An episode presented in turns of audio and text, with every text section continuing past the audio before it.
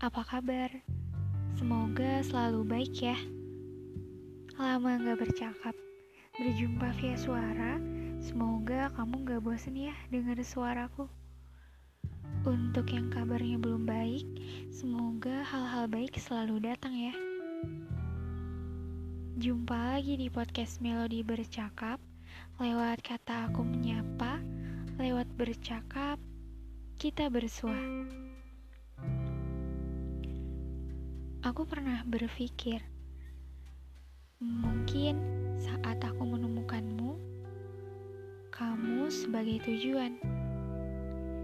Tapi sayang, ternyata kamu menemukanku hanya sebuah kebetulan. Kisah ini tak berarti apa-apa. Itu katamu dengan tersirat. Gak apa-apa.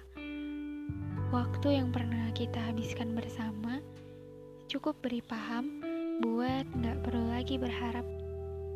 Ya, karena kamu memang seharusnya cuma hadir sebagai fana dan bukan nyata yang beri bahagia. Aku sering kali gagal paham. Mudahnya kasih harap buat diri sendiri. Menganggapmu sebagai semu yang berharap berakhir nyata. Ternyata aku keliru. Kamu gak sebaik itu. Gak apa-apa. Memang manusia itu selalu meninggalkan kesan sekecil apa pun ya. Termasuk kamu yang beri pelajaran untuk tetap bersikap baik-baik aja walau dalam diri mungkin saja patah dilupakan kemudian tak lagi dipedulikan, manusia memang seperti itu. Makhluk yang tak paham nilai damai. Mungkin memang belum waktunya. Beri jeda, beri bahagia untuk mereka. Bukan masalah waktunya, tapi siapakah orangnya? Entah Pertanyaan yang tak pernah ada jawabnya. Enggak apa-apa. Kita coba sekali lagi. Mungkin waktu bahagianya harus ditunda. Bukan sekarang kehadirannya. Kita usahakan lain waktu ya. Bagaimana?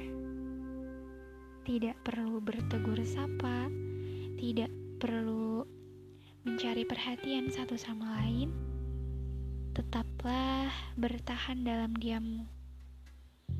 Jika terkadang tak mampu, bertahanlah sampai waktu itu tiba.